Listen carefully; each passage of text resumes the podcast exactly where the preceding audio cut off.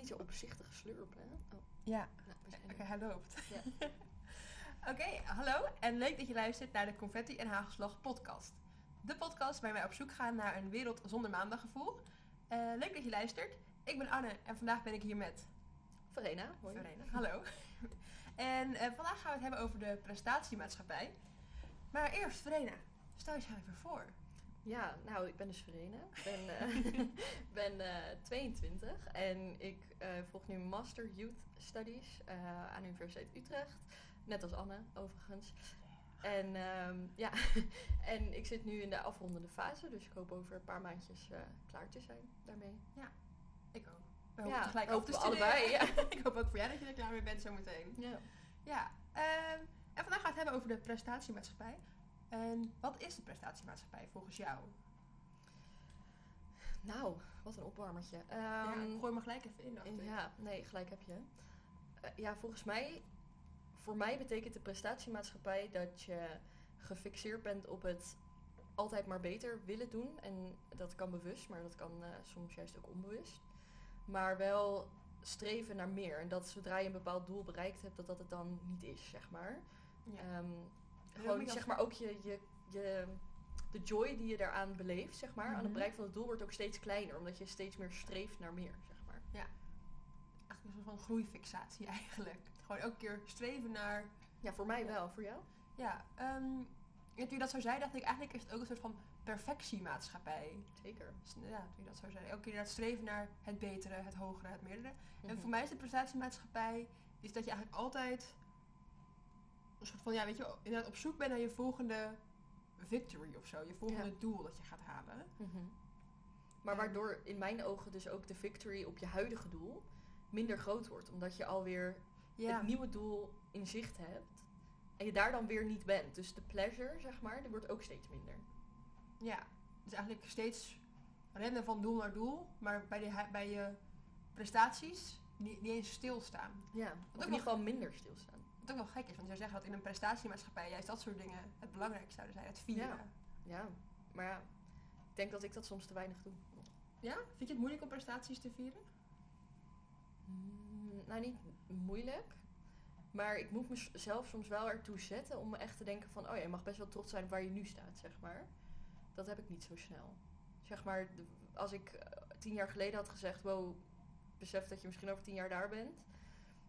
dan had ik dat echt te gek gevonden. En nu voelt dat als heel normaal en sta ik er eigenlijk niet eens zo bij stil of zo. En dan soms moet ik dat mezelf echt dwingen van... oké, als je 12 was geweest, had je dit echt een fucking bom gevonden, weet je wel? Ja. Sorry, taalgebruik. Ja, nee, maakt niet uit. Oké. Dat is helemaal oké. ik weet niet wie ik weet of ons publiek zich daar heel erg aan stoort. Nou, we gaan verder. Het gaat werken, anders dan hoor ik het ook graag publiek. Zeker, ja. Eh, ja, nee, maar dat herken ik wel inderdaad. Ook als ik inderdaad terugkijk naar hoe ik dacht dat ik het... Ja, weet je, als je, toen ik 12 was, had ik ook niet bedacht van over 12 jaar heb jij een podcast, bij wijze van spreken. Precies. Maar sta je er nu wel veel bij stil, vaak genoeg bij stil, dat je een podcast hebt en hoe sick dat eigenlijk is? Ja, nee, eigenlijk niet. Ik had hier toevallig vanmorgen, vanochtend ook eh, met mijn vriend over. Ehm, ik weet niet of ik zijn naam mag noemen in de podcast. Spannend! nee. Anne heeft een vriend. Eh, en toen zei hij, en, zei hij op een gegeven moment van, ja, je mag ook best wel gewoon even stil bij staan, dat je heel veel toffe dingen doet. En ik zo, bedoel hij? En dat is ook een beetje van de prestatiemaatschappij. Dat je ook niet helemaal Ja. trots mag zijn of zo op de dingen die je doet. Precies, ja. Ja. Waaraan merk jij dat wij in een prestatiemaatschappij leven? Ehm, Nou, impliceer ik al dat je dat vindt, maar dat... Ja, dat vind ik wel. Ehm, vooral als ik bijvoorbeeld kijk naar eh, hoe mijn ouders dat hadden ingericht vroeger. Ik heb wel het gevoel dat daar een enorme shift in is qua hoe mijn leven nu is en hoe dat van hun was. En hoe bedoel je dat? Nou, toen mijn moeder klaar was met haar opleiding, ik bedoel, dat is natuurlijk perfect. En dan ging ze werken. En dat doet ze nu nog steeds. En dat is helemaal geweldig. En ze heeft wel nog extra opleidingen en dat soort dingen gedaan. Maar ik heb altijd het gevoel dat het voor mij niet...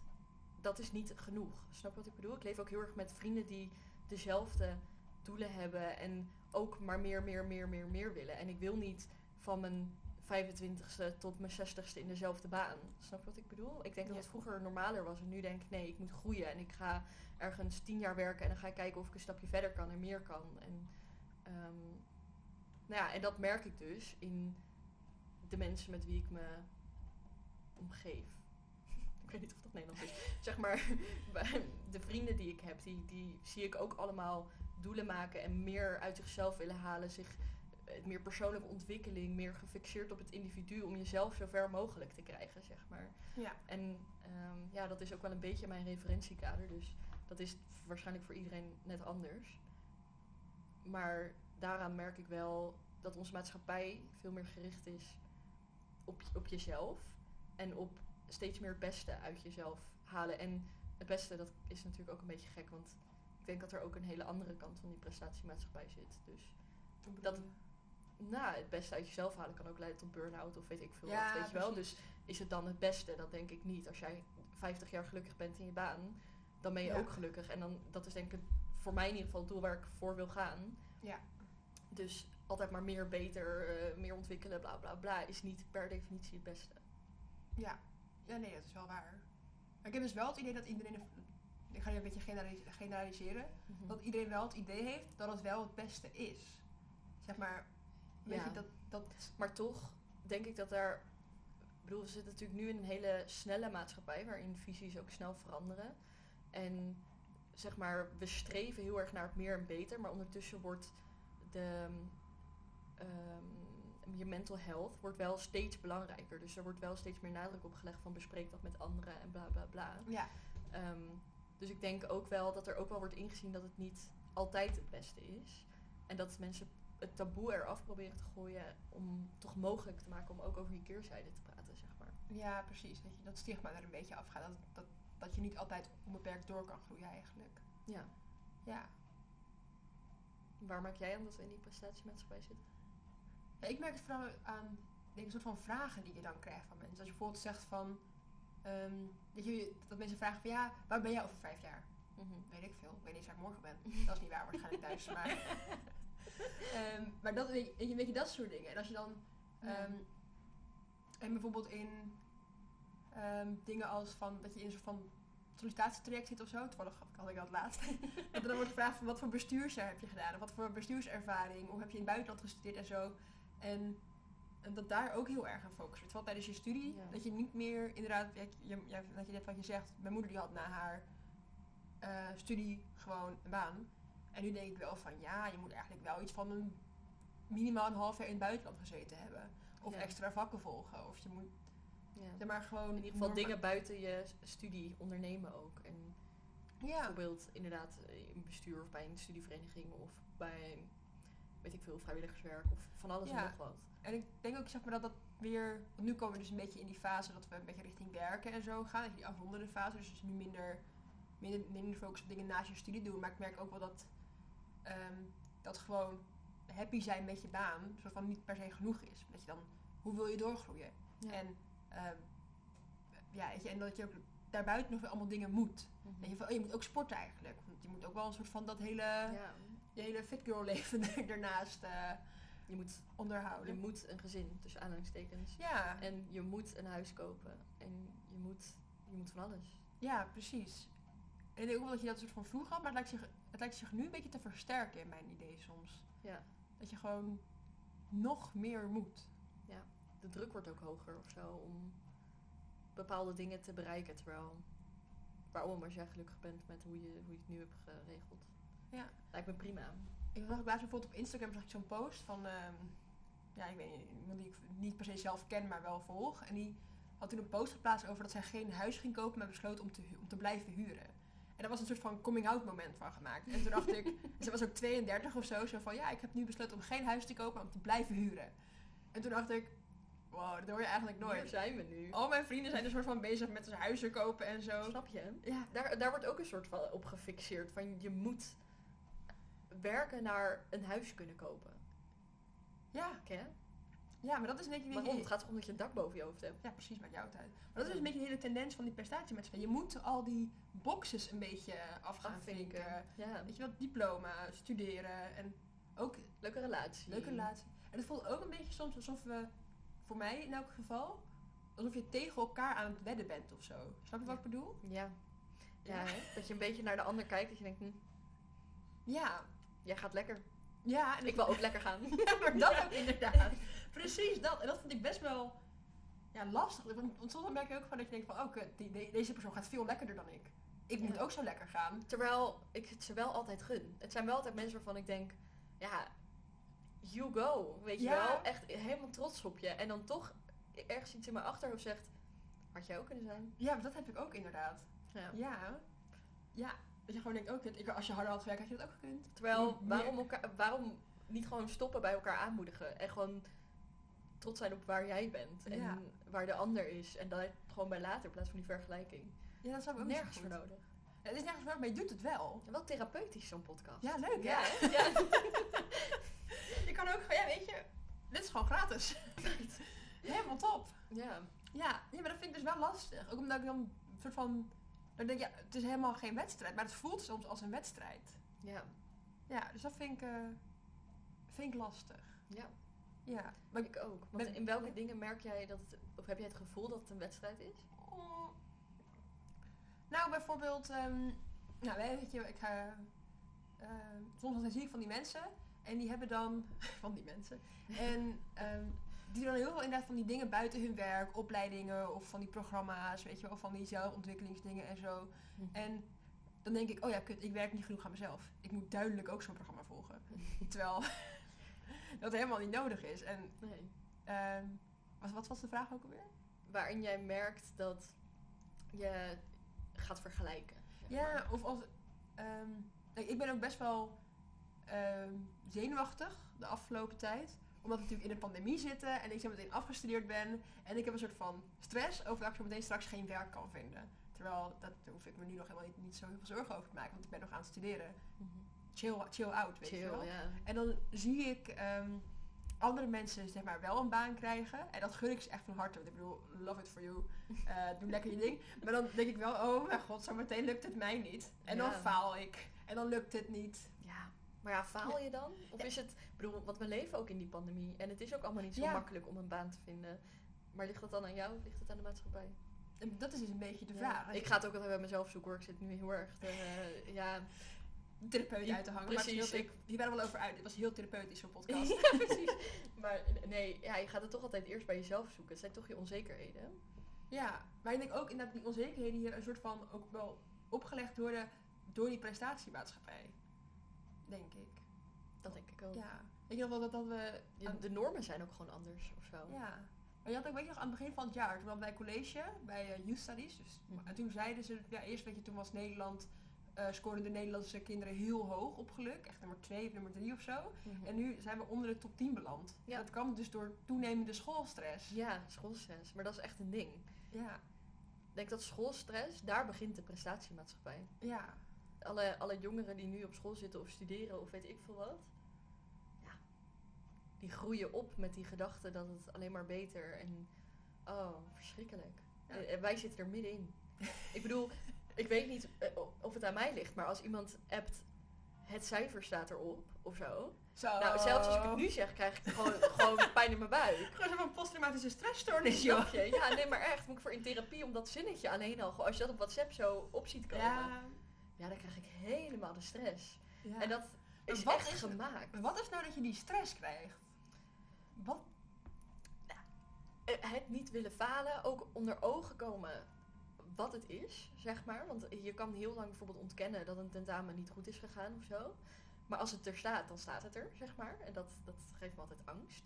Maar ik denk, een heel groot deel van dit probleem is dat je dus maar zo altijd bereikbaar bent. Zeg maar, als ik niet continu die appjes op zie komen, maar gewoon een keer naar dat cijfer zou kijken wanneer ik er echt klaar voor ben, dan zou dat al een heel stuk schelen. Niet dat ik dat ga doen, want zo ben ik niet.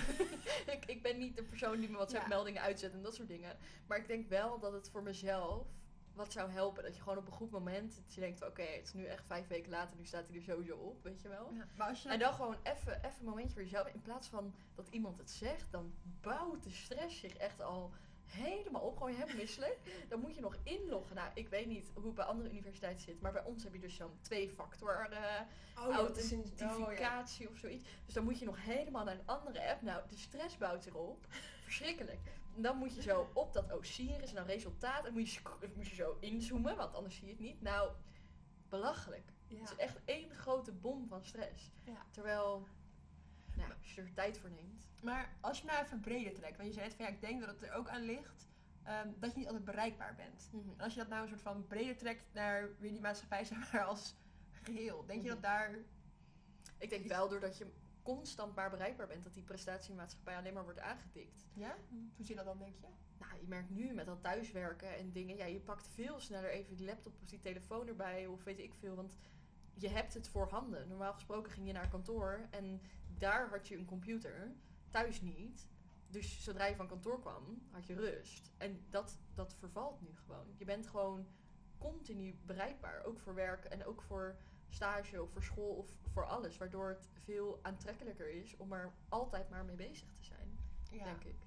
Dus ook een soort van doorgeschoten werkcultuur eigenlijk. Dat je gewoon constant Ja. aan het werk bent. Ja. Dat hetzelfde voor jou? Dat je constant moet wer zeg maar, aan het werk bent en ik denk dat het constant moet presteren? niet hetzelfde is, maar wel dat het bijdraagt aan het probleem van de prestatiemaatschappij. Ja. Probleem, die moet ik wat nuanceren, want ik vind Ja. niet per se de prestatiemaatschappij een probleem, eh, tenzij het doorslaat. Zeg maar in, weet ik veel, dat je je er niet meer happy in voelt. Want ik kan me ook heel erg voorstellen dat het willen presteren, ik bedoel, het bereiken van die doelen kan juist ook wel heel veel dopamine veroorzaken, weet je wel. Ja. Het kan wel.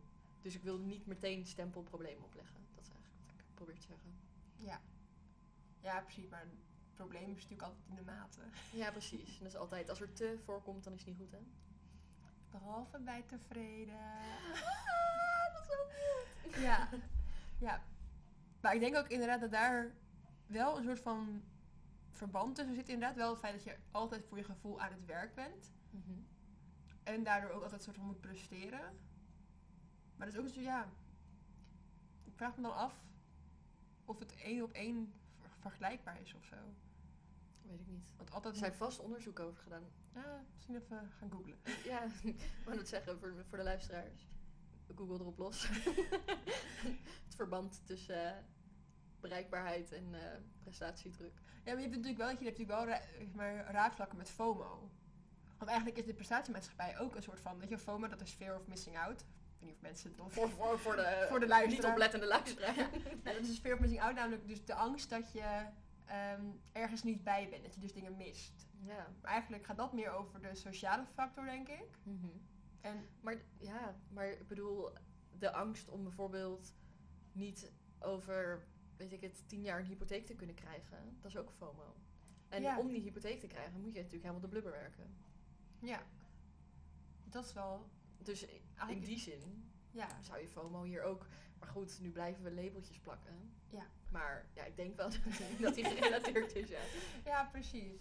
Ja, dus inderdaad, het is eigenlijk ja, wel hetzelfde. Het idee dat je dus dingen moet, of dat je dingen mist, of dat je er buiten de boot valt. Dat je Ja. de boot mist.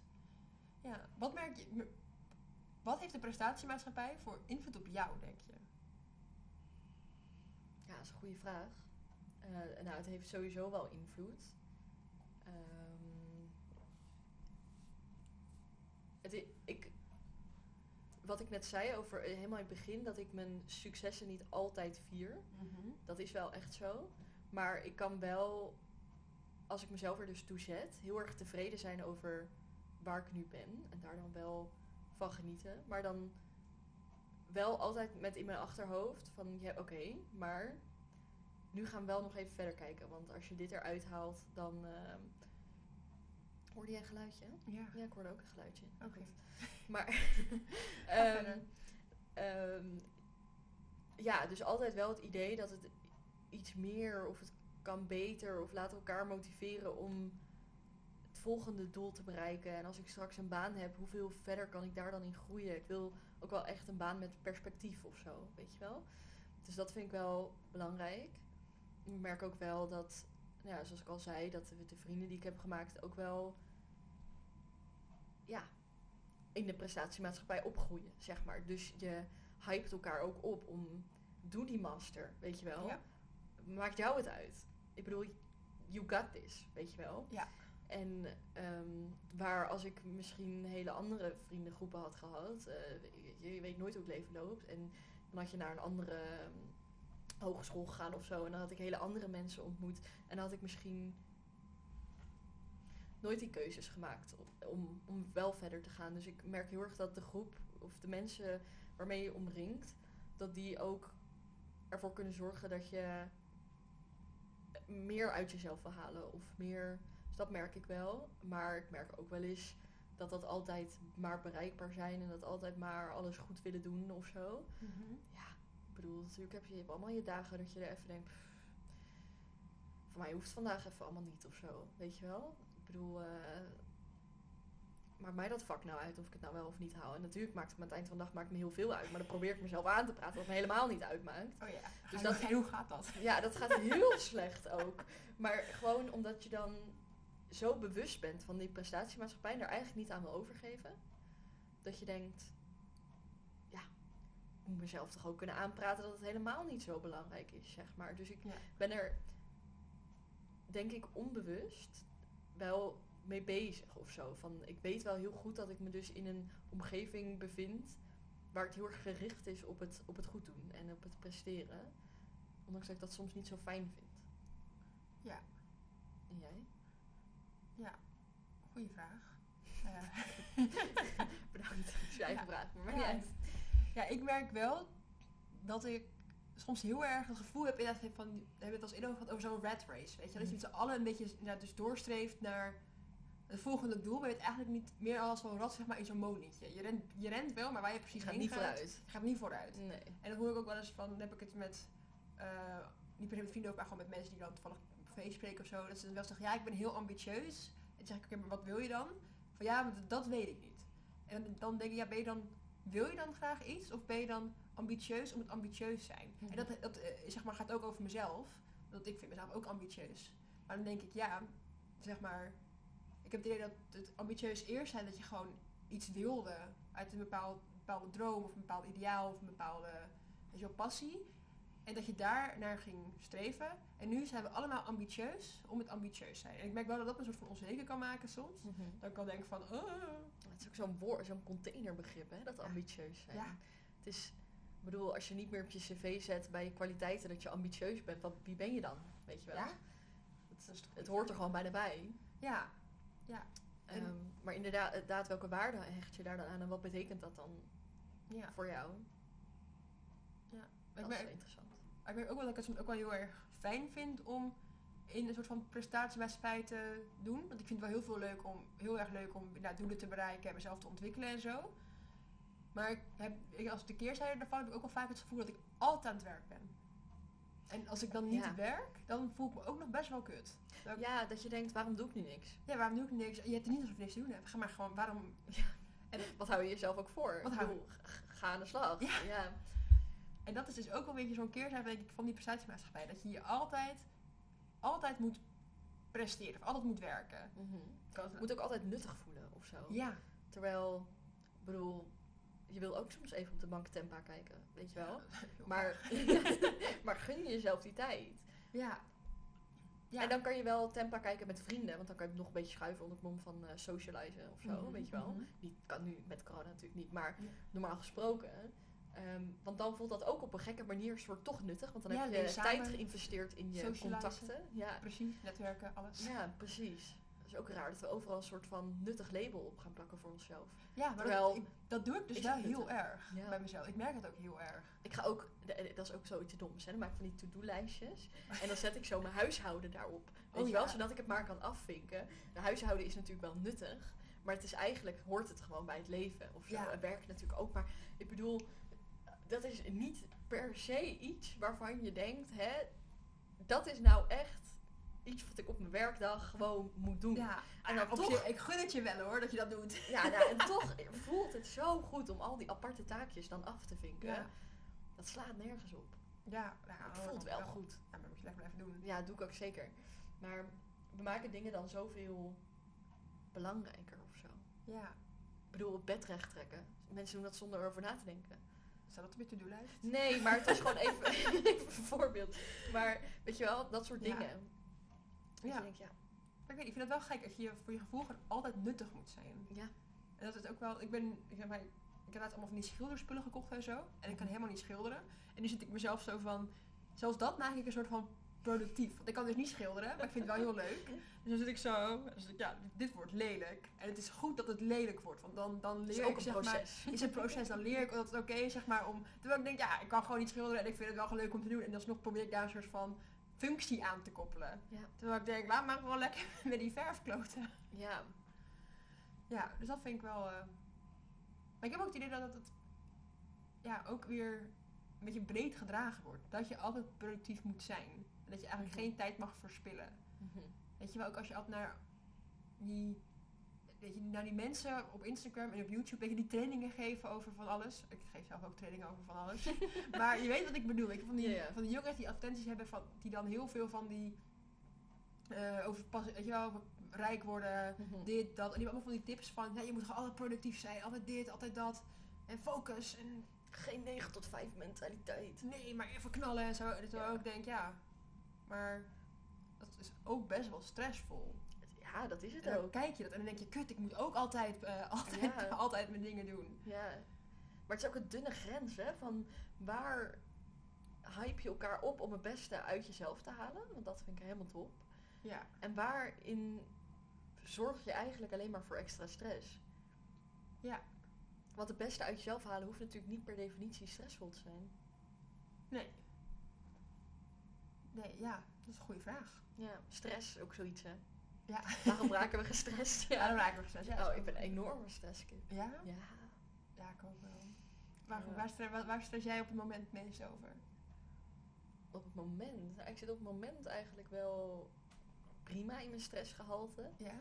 Maar kan dus heel erg stressen over een tentamen of zo, weet je wel. Dat je echt nou, jezelf helemaal de verdoemenis inpraat. En dan nou, gewoon, gewoon buikpijn, weet je wel. Dat is niet leuk. is voor niemand leuk. is niet voor mij, voor mij niet leuk, voor de omgeving niet leuk. Ik kan er heel erg om stressen. Ik kan ook gewoon stressen als iets niet, niet, niet goed gaat. Als ik dan echt in zo'n slecht moment zit en ik laat iets vallen, nou, dan word ik helemaal gek. Oh ja. Zo, gaat ook nergens over. En jij? Ehm, ja, ik herken wel heel erg wat je zegt. Inderdaad, dat je steeds echt kan stressen om niks. Dat is sowieso echt story of my life. Eh, maar momenteel kan ik heel erg stressen over de periode na afstuderen. Ja. Dat ik denk, ja, wat moet ik dan? Ja, dan ga jij al van die vacatures kijken. Zo vind ik Ja. zo grappig. Oh ja, dat jij doe ik, doet. ja. ja. Want die vacatures zijn er niet meer over drie Nee, maanden. ja, ik zal even even, dus komt dat uitleggen. Ik kan dan heel erg gestrest raken over dat ik dan binnen een bepaalde tijd ehm, moet afstuderen. Nou, je moet niks. Nou, van jezelf moet je dat Ja, wel. ik afstuderen, maar dan denk ik, ja shit, wat moet ik, wat, wat, wat moet ik dan hierna? Dus dan ga ik, eh, nou echt, ik kan echt om twee uur s'nachts bij spreken. Als ik dan soort van niet kan slapen omdat ik hier over aan het stressen ben, dan kan ik dus vacatures gaan opzoeken van functies die ik eventueel in de toekomst kan vervullen. Terwijl, daar ben ik helemaal nog, ik ben nog even niet op dat level dat ik dat kan doen. Ehm, maar dan kan ik helemaal over stressen en dan, net als met huizen. Ik moet over een tijdje moet mijn huis uit, dat ik nu stop met studeren. Ga ik nu alvast Oh. kijken wat voor huizen er op de markt zijn. Terwijl ik denk, die huizen zijn al lang al weg als... eh, ja. als ik, ehm, als ik zeg maar ooit, als ik eruit moet. ja, want wanneer moet je eruit? Februari. Nee, Oh, februari is echt februari. het is 11, 10 maanden of zo. Uiterlijk hoor. Dus ehm, Alle tijd. alle tijd. Maar goed, dan zit hij helemaal zo van, ja, ik kan maar beter kijken of er wat is. Dus, anders dan Wie weet is er nu al een parel. Ja, ja, oprecht. Dat denk ik dan wel weer. Ja, ja, het is kut als je er met... eh Je kan altijd eerder weg. je kan altijd eerder weg inderdaad. Ja. Maar goed, ik heb helemaal geen geld om zeg maar ergens groter te gaan wonen. Nee, dan moet je eerst die baan. En dan komen weer die vacatures om de hoek. Ja, Ja, ik snap het wel. Nou, ik denk dat ik zo meteen even vacatures ga zoeken. Ademhaling is meteen ook een stuk hoger, ja, maar, ja, maar dat is echt, ik vind het frustrerend hoe erg, hoeveel stress je dat geeft. Ja. Dus ook denk, Dat je dan ook nog gefrustreerd raakt om je stress. Nou, dan heb je hem zitten hoor. maar dit is echt op een metaniveau naar stress kijken. Ja, dat is echt niet oké. Dat je inderdaad denkt, jeetje, wat een stress. Ja. Ja. Nou, Ja, ik vind stress wel mooi om, eh, ja, hangt ook wel samen met die prestatiemaatschappij, hè? Ik bedoel, ja, zeker. ja, in ieder geval voor mij één op één. Ja, maar hoezo is het voor jou één op één? Ja joh, hé, ik raak toch helemaal gestrest om, ik moet meer, ik moet beter en ik moet me helemaal mezelf ontwikkelen. Ik moet van een rups een vlinder worden en help, weet je wel. Ja, en dat gaat me soms zo snel en dan denk ik, oh, trap op die rem en dat doe ik dan niet. Dat vind ik ook bijzonder. Ik bedoel, daar zou ik ook een keer op moeten analyseren waarom ik dat dan niet doe. Over Ja. dat metaniveau gesproken, even naar Ja. mezelf kijken. Ehm, ja, nee, ik vind, ik vind gewoon over het algemeen presteren wel stressvol. Ja, dat vind ik. Want ja, ik vind het wel goed, maar vindt de ander dat ook? Zoveel vraagtekens, vraagtekens, dat geeft mij stress. Ja, het geeft mij ook stress. Ja. Maar dat zijn ook weer een beetje die verwachtingen, want Ja. die er zeg maar dan bij komen kijken. Want je, dus ik idee dat mensen verwachten dat je dingen gaat doen, weet je wel? Dat je Ja. eh, verder komt. Maar dat is ook een soort van self-fulfilling prophecy. Want zodra jij denkt dat mensen iets gaan verwachten, gaan ze op den duur ook van alles verwachten. Ja, Dus zeg maar, als ik nu ineens stop met wat ik doe, gaan mensen ook zeggen, gaat het wel goed? Weet je wel? Ja. Dus dan ineens zijn die verwachtingen er. nee, dit snap ik niet helemaal eigenlijk. Niet? Nee, leg het leg Nou, als jij maar constant denkt van mensen verwachten dat ik meer en beter doe. ja, En jij doet dat zeg maar gewoon een steady eh, acht jaar of zo. En ineens zeg jij, ik trek mijn handen er vanaf, laat maar zitten. Ik ben helemaal fijn met achter de kassa zitten. Wat echt een mega leuk beroep is. Als je me vanmiddag aan zou bieden, zou ik meteen achter de kassa zitten. Vind ik echt geweldig. Maar, weet je, is natuurlijk helemaal prima. ja. Maar dan gaan mensen toch denken, ja maar je wilde toch dit en je wilde toch dit. En dat gaat dan weer heel erg voelen. Ja, Als dat mensen die verwachtingen ook daadwerkelijk hebben. ja, Terwijl ze dat in het begin misschien helemaal niet hadden. Als jij in het begin helemaal niet zo streberig was geweest, al die verwachtingen had opgeroepen, had je ja, dat aan de achterkant ook nooit gehad. ja. Dus eigenlijk zijn we nu al te ver. Daar ligt het probleem. Oké, dat is wel jammer. Dat Ja. is gemiste kans. Nee hoor, nee. Ja, precies. Maar ja, ik snap wel inderdaad wat je zegt. Je maakt die verwachting inderdaad, wat je zegt, self-fulfilling prophecy. Je gaat ook wel inderdaad streven naar je eigen verwachtingen. Ja, Ja. Ja, dat is eh, interessant. ja. Lastig op de vrijdagmiddag. Jeetje, Ja, toch. Heb je nog tips voor eh, mensen die ons verhaal luisteren en denken, ik dacht dat ik de enige was die zo raar deed? Nou, de enige ben je sowieso nooit. De grootste tip is ga eens een keer met een vriendin zitten en bespreek dit. Want dit is echt wel even lekker om zo Ja. te analyseren. Neem een podcast op. Neem een podcast op, weet je. ja, maakt allemaal niet uit. Ehm, ja, en weet je, het is natuurlijk ook maar gewoon een sociaal construct. We hebben ons maar dit opgelegd dat dit allemaal zo is. Ehm, maar aan het eind van de dag maakt het natuurlijk allemaal niet uit. Als jij een dak boven je hoofd hebt, je hebt te eten, je bent gelukkig, dat, daar gaat het toch om. Ja, uiteindelijk wel. Ga eens even terug naar de basis. Als je echt, echt niet goed voelt, even terug naar de basis. En dan, eh, Ja, wat, is, wat, wat doet er nou echt toe? En dat is echt niet je derde masterdiploma, geloof mij. Weet je wel, bij wijze van. Het is ook echt niet die baan die 1500 euro meer verdient. ja. Inderdaad, weet je, terug naar de kern. Wat maakt je nou eigenlijk gelukkig? Precies. Ja. Wauw. Wauw. ja, wat heb ik nog En heb jij nog tips? Ja, relativeer ook inderdaad. Relativeer. Gun jezelf ook wel de ruimte om te stressen, Ja. maar niet... Ja, Besef je ook dat je stress ja besef ook dat je stresst inderdaad. Wat, wat mij inderdaad altijd helpt is inderdaad bespreken, benoem het even hardop. Dus of, weet je, of met, of met, inderdaad, met een vriendin, ehm, of benoem inderdaad gewoon hardop van, ik maak me hier en hier zorgen over. En dan zeg je dit en, som- en dan hoor je jezelf het zeggen en denk je, Ja, ja, dit komt eigenlijk ook wel goed, ja. hoop ik. Ja, het is ook zo lekker voor je omgeving, hè? Als je zelf doorhebt, ik stress, ik zit in zo'n periode, Ja, dat je het even zegt. Weet je Ja. wel, van hé, hey, ik, ik ben nu hier, op dit level. Mocht ik wat kribbig reageren als ik me vork laat vallen, dan weet je wat er aan de hand is. nou komt dat hierdoor. En dan zeggen ze, maar mij, het is helemaal niet nodig. Nou, en dan ga je weer terug naar de baas. denk je, oh ja, dat is ook eigenlijk helemaal niet nodig. Ja. Maar sharing is caring. ja, sharing is caring vind ik een goede tip. Relativeer en gun jezelf rust en Ja. ruimte. Mooi. Dank je. Mooie afsluiter. Nou, gaan we daarmee afsluiten. Ja, Heel erg bedankt Verena voor je tijd en voor het gesprek. En dan eh, eh, tot bij de volgende podcast, denk ik.